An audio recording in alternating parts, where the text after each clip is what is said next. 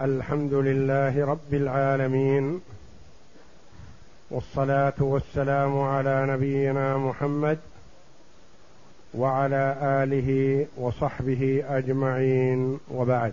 بسم الله بسم الله الرحمن الرحيم. قال المؤلف رحمه الله تعالى فصل القسم الثالث حيوان البحر. يباح جميعه لقول الله تعالى أحل لكم صيد البحر وطعامه. إلا الضفدع لأن النبي صلى الله عليه وسلم نهى عن قتلها رواه أبو داود والنسائي. ولأنها مستخبثة وكره أحمد التمساح. التمساح لأنه ذو ناب فيحتمل أنه محرم لأنه سبع. ويحتمل أنه مباح للآية. وقال ابن حامد يحرم الكوسج لأنه ذو ناب. قول المؤلف رحمه الله تعالى فصل القسم الثالث.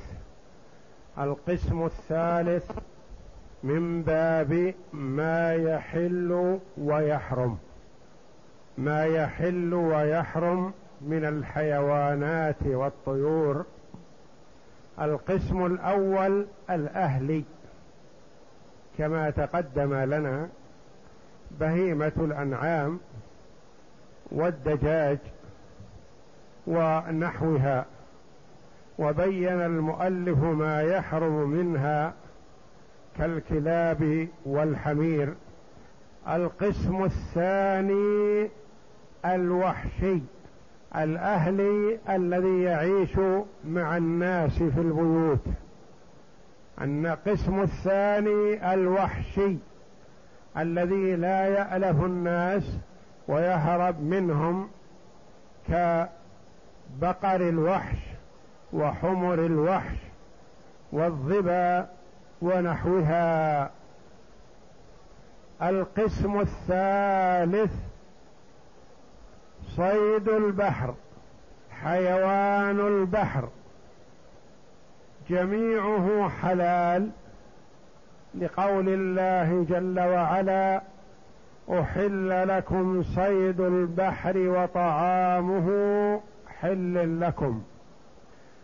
ولقول النبي صلى الله عليه وسلم لما سئل عن البحر قال له السائل يا رسول الله إنا نركب البحر ونحمل معنا القليل من الماء فإن توضأنا به عطشنا. قال عليه الصلاة والسلام هو الطهور ماؤه الحل ميتته. ما مات في البحر حلال. فما صيد وهو حي فمن باب أولى. قال إلا الضفدع. الضفدع تعيش في الماء وفي البحر وحول البحر وتعيش في البر. والنبي صلى الله عليه وسلم نهى عن قتلها. ونهيه صلى الله عليه وسلم عن قتلها نهي عن أكلها لأنه لم ينه صلى الله عليه وسلم عن ذبح ونحر الإبل ولا الغنم وإنما نهى عن قتل الضفدع وقال إن نقيقها تسبيح. ولأنها مستخبثة يعني ليست مستساغة. وكره أحمد رحمه الله التمساح. قال لأنه ذو ناب وذو الناب من حيوانات البر محرم والخلاف في ذي الناب من حيوانات البحر. هل يلحق بحيوانات البر فما كان ذي ناب فهو, حل فهو حرام؟ أم لا لعموم الآية لأن الآية عامة أحل لكم صيد البحر؟ ففيه روايتان ويحتمل أنه محرم لأنه سبع يعني يأكل ما يصيده وما يحصل عليه من آدمي أو غيره. ويحتمل أنه مباح للآية. وقال ابن حامد رحمه الله من أئمة الحنابلة يحرم الكوسج لأنه ذو ناب والكوسج سمك خرطومه كالمنشار. له خرطوم طويل يصيد به لأنه ذو ناب. على الخلاف في التمساح. وقال أبو علي النجاد لا يؤكل من البحري ما يحرم نظيره في البر ككلب الماء وخنزيره وإنسانه والأول أولى. وقد قال أحمد في كلب الماء يذبحه وركب الحسن بن علي على سرج عليه جلد كلب الماء. وقال أبو علي النجاد لا يؤكل من البحري ما يحرم نظيره في البر. فيه حيوانات في البحر لها نظائر ومشابه في البر فما كان محرم في البر فيحرم نظيره على رأيه في البحر. فكلب البر محرم. قال مثله كلب البحر لأن فيه نوع من السمك يسمى كلب البحر. وفيه نوع كذلك يشبه الخنزير. والخنزير في البر محرم. قال مثله الخنزير الذي في البحر.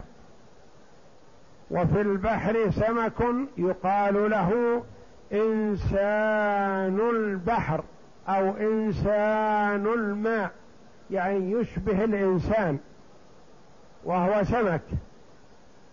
فهل يحل أو يحرم على رأي أبي النجاد أنه يحرم لأنه يشبه الإنسان في البر والإنسان في البر حرام أكله؟ يقول والأول أولى يعني حل عموم صيد البحر كله حلال ما دام لم يرد عن النبي صلى الله عليه وسلم نهي عن شيء من أنواع الصيد فالآية عامة وكذا الحديث قوله صلى الله عليه وسلم هو الحل ميتته هو الطهور ماؤه الحل ميتته. وركب الحسن بن علي على سرج عليه جلد كلب الماء. دلالة على أنه حلال لأنه لو حرم لاعتبر جلده نجس فلا يركب عليه. فصل. وكره أحمد لحوم الجلالة وألبانها. قال القاضي هي التي أكثر علفها النجاسة فإن كان أكثره الطاهر فليست جلالة. قال ولحمها ولبنها حرام. وفي بيضها روايتان. وقال ابن أبي موسى عن أحمد رواية أخرى أن أكلها غير محرم لعموم قوله تعالى أحلت لكم بهيمة الأنعام. والأولى ظاهر المذهب لما روى ابن عمر قال نهى رسول الله صلى الله عليه وسلم عن أكل الجلالة وألبانها. رواه أبو داود. وعن عبد الله بن وعن عبد الله بن عمر بن العاص قال نهى رسول الله صلى الله عليه وسلم عن الإبل الجلالة أن يؤكل لحمها ولا يشرب لبنها. ولا يحمل عليها إلا الأدم ولا يركبها الناس حتى تعلف أربعين ليلة رواه الخلال. فصل وكره أحمد رحمه الله لحوم الجلالة وألبانها. الجلالة الحيوان الذي أكثر أكله النجاسات. يعني يدور في المزابل ويأكل النجاسات يأكل العذرة ويأكل الأشياء النجسة. هذه تسمى الجلالة. يكره أكل لحمها وشرب لبنها حتى تطعم الحلال أربعين يوما. والطير قالوا فيه ثلاثة أيام. إذا حبست الدجاجة مثلا إذا كانت الدجاجة تأكل العذرة وأكثر أكلها العذرة لأنها في المزبلة فلا تؤكل حتى تحبس ثلاثة أيام وتطعم الحلال فتطهر بإذن الله تعالى. أما الإبل فقالوا فيها حتى تحبس وتطعم الحلال أربعين يوما. فإذا أطعمت الحلال أربعين يوما أبيح أكلها.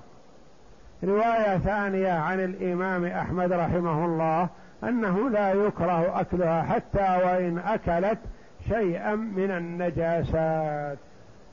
واستدل للنهي بقوله صلى بقول عبد الله بن عمر ابن الخطاب رضي الله عنهما نهى رسول الله صلى الله عليه وسلم عن أكل الجلالة وألبانها. نهى عن أكل الجلالة وألبانها. رواه أبو داود. وعن عبد الله بن عمرو بن العاص رضي الله عنهما قال نهى رسول الله صلى الله عليه وسلم عن الإبل الجلالة أن يؤكل لحمها ولا يشرب لبنها ولا يحمل عليها إلا الأدم يعني الجلود ولا يركبها الناس حتى تعلف أربعين ليلة رواه الخلال. ويزول تحريمها وكراهتها بحبسها عن أكل النجاسات ويحبس البعير أربعين ليلة للخبر والبقرة في معناه ويحبس الطائر ثلاثا لأن ابن عمر رضي الله عنه كان إذا أراد أكلها حبسها ثلاثا وعن أحمد أن الجميع يحبس ثلاثا لخبر ابن عمر ويزول تحريمها وكراهتها بحبسها عن أكل النجاسات. يعني تمنع من أكل النجاسات وتطعم العلف الحلال وحينئذ تحل. وحبسها يكون للإبل أربعون يوما وللبقر مثل ذلك. وأما الدجاج ونحوه من الطيور فيكفي حبسه ثلاثة أيام. وروي أن الثلاثة الأيام تكفي حتى للإبل والبقر. فصل وما سقي من الزروع والثمار بالنجاسات أو سمد به أو سمد بها نجس كالجلالة لأنه يتغذى بالنجاسات وتترقى فيه أجزاؤها فأشبه الجلالة. وتطهر بسقيها بالطاهرات كالجلالة إذا أكلت الطاهرات. وكذلك الزروع لا يجوز أن تسقى أو تسمد بالنجاسات وإنما تسمد بالسماد الطاهر لأن عذرة الآدمي نجسة فإذا وضعت مع على الزراعة نجستها. وأما الروث روث الإبل والبقر والغنم فهذا طاهر لأن بول ما يؤكل لحمه وروثه طاهر. فروث ما يؤكل لحمه طاهر يجعل سمادا للزراعة لكن لا يجعل السماد الشيء النجس من عذرة الآدمي أو عذرة الأشياء المحرمة كروث الحمار ونحوه. وإذا سمدت أو سقيت بالنجاسات فإنها تسقى بعد ذلك بالماء الطاهر ويكفيها وتنغسل. فصل وتحرم الميتة والدم. للآية وتحرم النجاسات كلها لأنها من الخبائث وتحرم السموم المضرة كما يحرم عليه إتلاف شيء من جسده. فصل ومما يحرم الميتة سواء كانت من الحيوان الأهلي أو من الحيوان الوحشي وهو ما مات حتف أنفه بدون تذكية بالنسبة للأهل أو بدون تذكية أو جرح للوحشي لأنه تقدم لنا أن الوحشي لا يلزم فيه التذكية إلا إذا أدرك وقبض عليه وفيه حياة مستقرة. أما إذا جرح فيكفي الجرح فيه. أما ما مات حتف أنفه من حيوان إنسي أهلي أو حيوان وحشي فإنه لا يحل سوى ميتة البحر كما تقدم. وكذلك الدم والمراد بالدم الحرام هو الدم المسفوح الذي يخرج عند التذكية وعند الذبح وعند النحر. هذا حرام ولا يجوز إدخاله مع اللحم ويجب غسله على رأي كثير من العلماء غسل أثره. أما الدم المخالط للحم كالذي يكون في الفخذ مثلا أو دم في الأمعاء أو في الكبد وما حولها وسائر الجسم سوى الدم المسفوح فإنه حلال. حتى وإن كان الماء أحمر إذا وضع فيه اللحم من أثر الدم فإنه حلال طاهر. فصل فإن اضطر إلى شيء وتحرم النجاسات كلها يعني كل شيء نجس فإنه حرام لأنها من الخبائث. والله جل وعلا وصف نبينا محمدا صلى الله عليه وسلم بأنه يحل لنا الطيبات ويحرم علينا الخبائث. وكذلك السموم المضرة. فكل خبيث محرم وكل ضار محرم. فهناك شيء ضار وليس بخبيث فإنه يحرم. كالتراب مثلا. يحرم على الإنسان أن يأكله لأنه يضره. وشيء خبيث كالخمر والنجاسات والحشرات هذه حرام لخبثها. كما يحرم على الإنسان إتلاف شيء من جسده لأن جسد الإنسان ليس ملكا له. فلا يجوز له أن يتصرف فيه تصرفا يضره فلا يقطع منه يد ولا يقطع منه رجل إلا إذا خشي أن ينتقل المرض الذي فيها إلى سائر الجسد فإنه يستأصل العضو الفاسد لطلب سلامة بقية الأعضاء. فصل فإن اضطر إلى شيء مما حرم عليه أبيح تناوله لقول الله تعالى إلا ما اضطررتم إليه.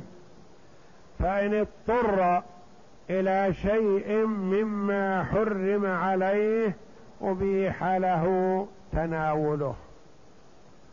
الميتة حرام اضطر إلى أكل الميتة. كان في البر وليس عنده شيء يأكله. وإن لم يأكل مات. وجد ميتة. هل يأكلها أم يدعها حتى يجد شيئا أو يموت؟ لا بل يأكل. ولا يجوز له أن يهلك نفسه. بل يأكل الميتة ويرتفع التحريم عنه بإذن الله. ويزول الخبث لأنه مضطر. فرق بين اثنين أحدهما مضطر لأكل الميتة فأكلها فإنها لا تضره بإذن الله لأن الله أحلها له. الآخر غير مضطر لأكل الميتة فأكلها فإنها تضره لأن ما حرمه الله جل وعلا فهو محرم لضرره والأصل أنها تضره فإذا اضطر لها ارتفع التحريم وانتفى الخبث الذي كان فيها لقوله جل وعلا بعد ذكر المحرمات إلا ما اضطررتم إليه. فهو اضطر لأن يشرب الدم فيشرب. اضطر لأن يأكل لحم ميته. اضطر بأن يأكل لحم خنزير أو لحم كلب ونحوه فالله أباح له ذلك ولا يموت. وفي قدر ما يباح روايتين إحداهما قدر ما يسد رمقه اختارها الخرقي لأنه يخرج بأكله عن كونه مضطرا فتزول الإباحة بزواله. والثانية له الشبع لأنه طعام جاز له سد الرمق منه فجاز له الشبع كالحلال. وفي قدر ما يباح من المحرم روايتان عن الإمام أحمد رحمه الله. مثلا الإنسان جائع في البرية وليس عنده شيء يأكله. وجد ميته. إن أكل منها ربع كيلو سدت رمقه وحفظته عن الموت جوعا ولعل الله أن يرزقه طعاما حلال وإن أكل كيلو فهو يشبعه والربع لا يشبعه لكن يسد رمقه. هل له أن يأكل من الميتة حتى يشبع؟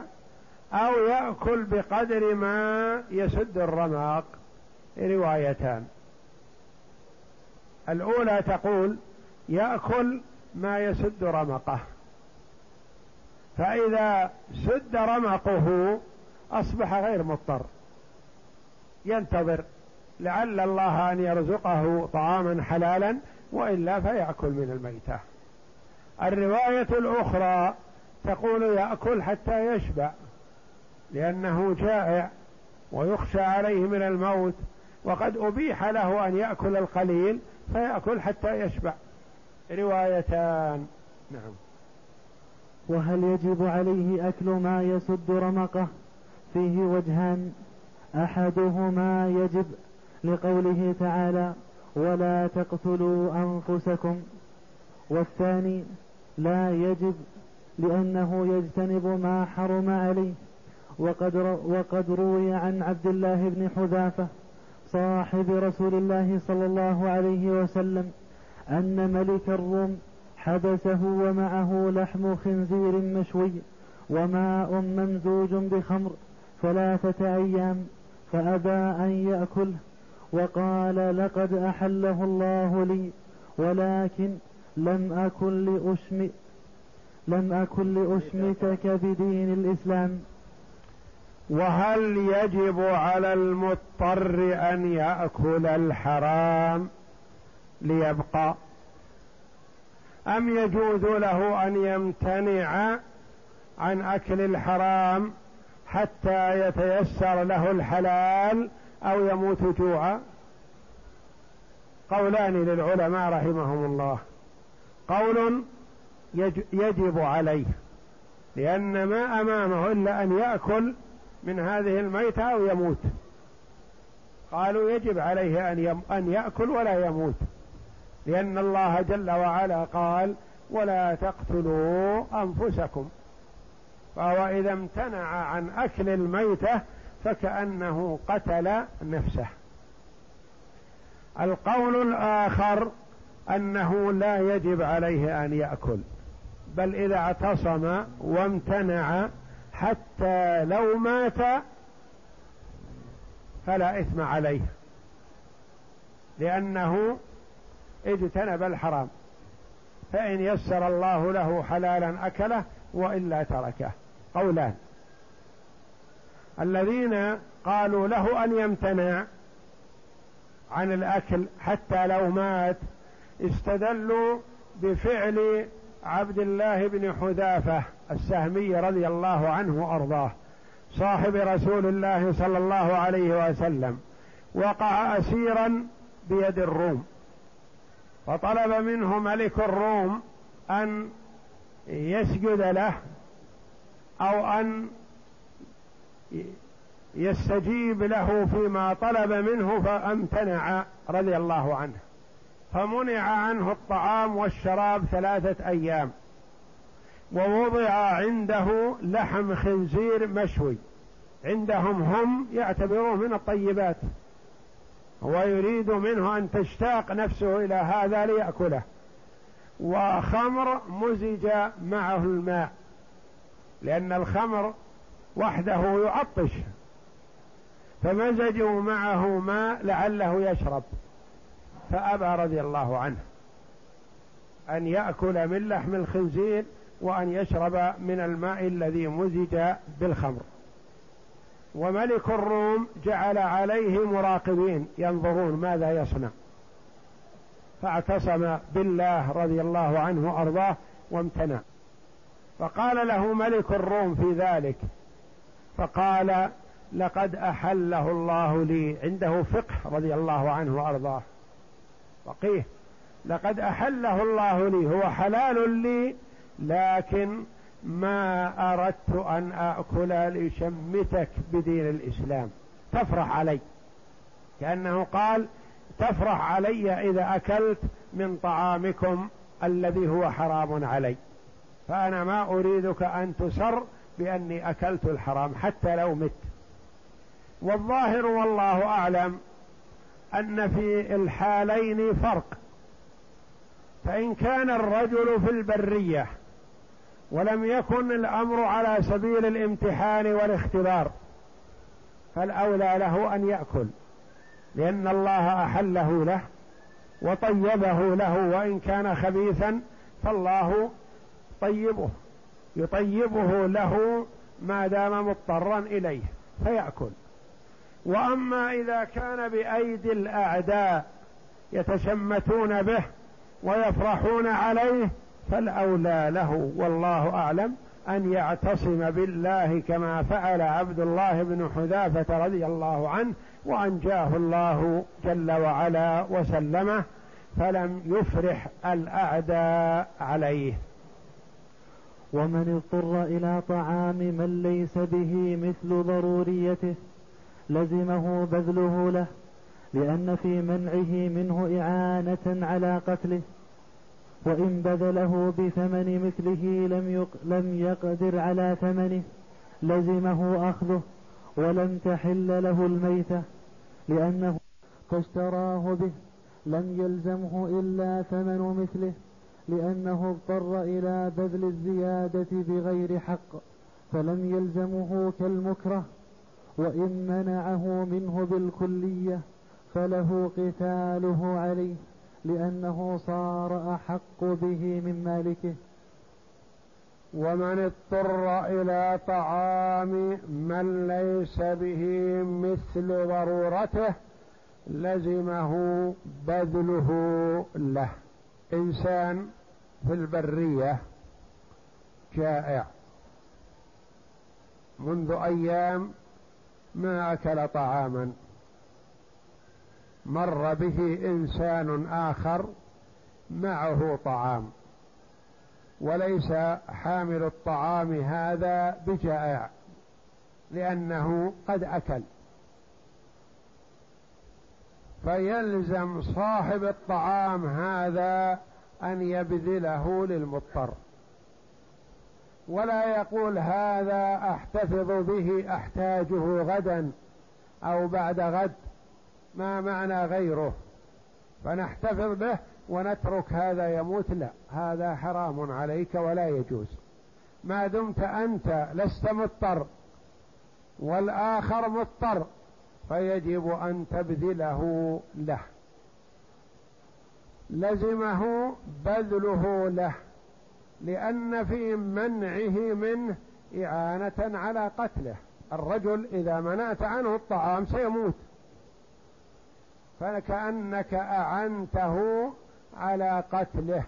أعنت على قتل هذا الرجل فيجب أن تبذل له الطعام. وإن بذله بثمن مثله لمن يقدر على ثمنه لزمه أخذه. ما يقول المضطر أنا مضطر ويحرم عليك أن تبيع علي. يقول نعم أنت مضطر لكن أنا أبيعك بسعر المثل. ما أزيد عليك. فيجب على المضطر أن يشتريه. ولا يقول أنا آخذه منك بلا ثمن لأني مضطر.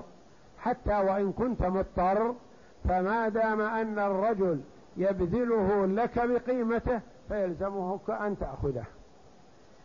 أما إذا زاد في الثمن زيادة فاحشة فلك أن تأخذه ولا يلزمك أن تدفع له إلا قيمة المثل.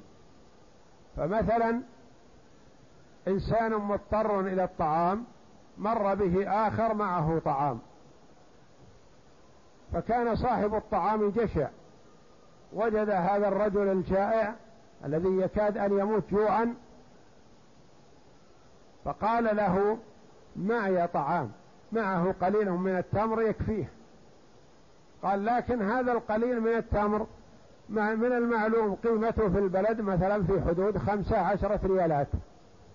قال أنا ما أبيعه عليك إلا بمئة لأنك أنت مضطر وأنت غني. فالمضطر هذا يأخذه بما يقول الرجل وعند الدفع لا يلزمه أن يدفع إلا قيمة المثل. حتى وإن دفع أكثر فله أن يطالبه بالزائد بعد ذلك. ولم تحل له الميتة. المضطر لا يجوز له أن يأكل الميتة وهو يجد طعاما بقيمة مثله. فلا تحل له الميتة فيأكل الطعام الحلال ويترك الميتة لأنه حينئذ غير مضطر. وإن امتنع من بذله إلا بأكثر من ثمن مثله فاشتراه به لم يلزمه إلا ثمن مثله. المشتري حتى لو اشتراه بمئة ما دام قيمته خمسة ريالات ما يدفع إلا خمسة. لأنه لا يجوز لصاحب الطعام أن يستغل ضرورة الرجل فيأخذ منه أكثر من قيمة المثل. وإن منعه منه بالكلية فله قتاله عليه. يأخذ منه بالقوة. لو امتنع قال أنا لا أبيع عليك ولا أعطيك لأني في حاجة إليه هذا طعامي يكفيني خمسة أيام. وأنا مضطر إليه أنت لست مضطر الآن. لا خطر عليك من الموت جوعا لكنه يريد أن يدخره للمستقبل. للأيام القادمة يقول يمكن أموت جوعا فأنا أحتفظ بالطعام هذا ولا أعطيك إياه. المضطر هذا له قتال هذا الرجل حتى يأخذ منه الطعام وما ذاك إلا لحفظ النفس عن الموت. نعم. وإن وجد المضطر ميتة وطعاما لغائب. لأنه صار أحق به من مالكه. المضطر أحق بهذا الطعام الذي مع زيد من زيد. يقول هذا طعامي. يقول نعم هذا طعامك لكن صاحبك هذا مضطر. فهو أحق به منك. إن بذلته بطيب خاطر فحسن وإلا له أن يقاتلك حتى يأخذ المال الطعام منك ويأكله. نعم. وإن وجد المضطر ميتة وطعاما لغائب فطابت نفسه بأكل الميتة فهي أولى لأن إباحتها ثبتت بالنص فكانت أولى مما ثبت بالاجتهاد. وإن لم تطب نفسه بأكلها أكل طعام الغير. لأنه مضطر إليه. وإن وجد المضطر ميتة. ووجد بجوارها طعام. صاحب خيمة.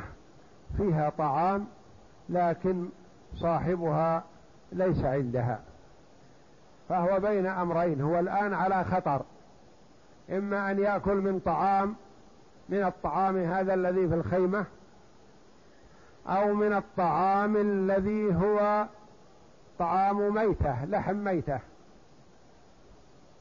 نقول للرجل الجائع انظر هل تستسيغ نفسك أكل الميتة؟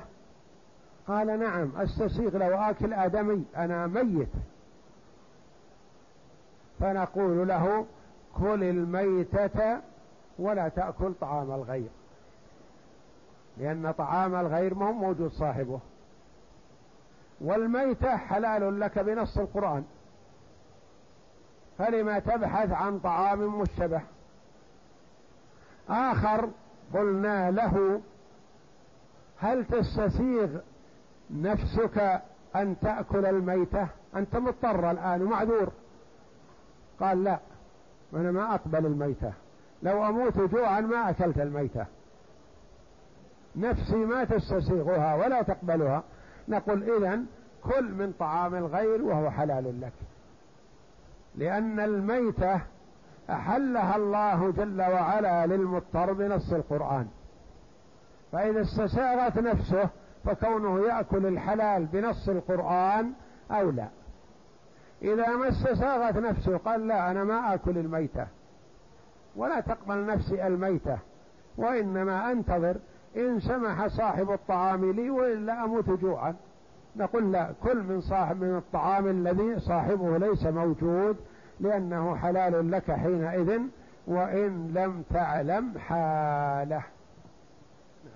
وإن وجد المحرم ميتة وصيدا فكذلك لأن المحرم إذا ذبح الصيد صار ميتة ولزمه الجزاء فيجتمع فيه تحريمان محرم في أثناء الطريق. مات جوعا خطر عليه من الموت. وجد غزال حية مسكتها شجرة. ووجد بجوار الشجرة ميتة. فهل يأكل الميتة؟ ويترك الغزال لأنه محرم. أم يذبح المي الغزال ويأكل منها ويترك الميتة؟ نقول له مثل ما قلنا لصاحب الطعام الذي لا يدري لمن هو. نقول تعال يا أخي إن كنت تستسيغ أكل الميتة فقد أحلها الله لك بنص القرآن فكلها وليس عليك حرج. ولا يلزمك فدية. يقول نعم أنا مضطر استسيغ أي شيء آكله. نقول كل الميتة وأترك الغزال. لأن الغزال يترتب عليك مثل ما يترتب على عليك. إذا أكلت الميتة وزيادة الغرامة الفداء لأن الغزال إذا ذبحتها وأنت محرم أصبحت ميتة. مثل هذه الميتة سواء بسواء. أن التحريم شيء معنوي من الله جل وعلا. فحرم الله على المحرم ذبح صيد البر. فكونه يأكل الميتة ما يلزمه فداء. وإذا أكل الغزال لزمه فداء وصارت الغزال مثابة الميتة إذا ذبحها. أما إذا كان مثل الأول قال لا أنا ما أستسيغ الميتة أبدا. لو أموت جوعا ما أكلت الميتة. فنقول اذبح الغزال وكلها وعليك الفدية لأنك ذبحتها لصالح نفسك لتقي نفسك فاذبح الغزال وكلها وعليك الفدية. نعم.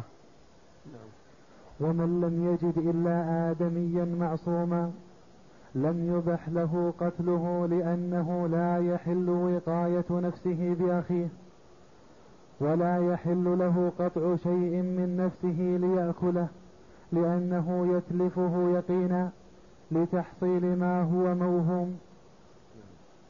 ومن لم يجد إلا آدميا معصوما. جماعة انقطعت بهم السبل ثلاثة أو أربعة. ما يجدون شيئا في البر لا ميتة ولا غيرها. هل يجوز لاثنين أو ثلاثة من هؤلاء يتنا يتواطؤوا على أن يقتلوا صاحبهم هذا ليأكلوه؟ لو استساغوه فلا يجوز. لأن هذا مثلهم. ولا يسوغ أن يقتل آدميا ليأكله حتى وإن كان مضطرا. لكن لو كان لحم ميت أحد إخوانهم مثلا زملائهم مات بالفعل وهم مضطرون أكلوه. لكن يأكلوه وهو حي من أجل أن يقوا أنفسهم؟ لا. ولا يحل قطع شيء من نفسه ليأكله. يقول مثلا أقطع اليد لأجل أن يأكلها ليبقى بقية الجسم. نقول لا هذا إتلاف وإتلافك لبعضك من أجل أن تقي بعضك هذا لا يجوز. وإن وجد آدميا مباح الدم فله قتله وأكله لأن إتلافه مباح. وإن وجد آدميا مباح الدم فله قتله وأكله لأن إتلافه مباح. وجد آدمي مباح الدم. إما وجد كافر حربي محارب للمسلمين فهذا مباح الدم. لو قتلوه يقتلونه ويأكلونه عند الضرورة. قتل أحد إخوانه مثلا وهو مضطر هذا للأكل فيقتل هذا القاتل لأن القاتل ذا مباح الدم. مثلا يكون ثلاثة أخوان وأجنبي معهم. الأجنبي قتل واحد من الأخوين. القاتل هذا مباح الدم لأنه قتل. فلهذا الأخ الثاني الجائع أن يقتل هذا ليأكله لأن لأنه قتل شخصا مباح الدم. ما قتل شخصا حرام الدم بل هو مباح. فله قتله وأكله عند الضرورة. نعم. وإن وجد ميتا معصوما فالأولى إباحته لدخوله في عموم الآية ولأن فيه حفظ الحي فأشبه غير المعصوم. اختار هذا أبو الخطاب وقال غيره من أصحابنا لا يباح لأن كسر عظم الميت ككسر عظم الحي. وإن وجد ميتا معصوما. يعني واحد من رفقتهم مات من الجوع. وبقي هؤلاء الثلاثة مثلا. هل يأكلونه؟ قيل يأكلونه لأنهم يقون بهذا أنفسهم وهو الرجل مات. وقيل لا يأكلونه لأن حرمته وإن كان ميتا فهو كحرمته حي لأن النبي صلى الله عليه وسلم قال كسر عظم الميت ككسره حيا فجعل له حرمة حتى بعد موته.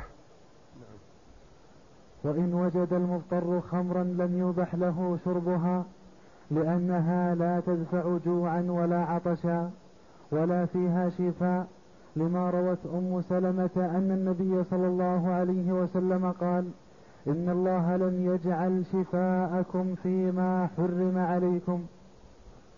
وإن وجد المضطر خمرا لم يبح له شربها.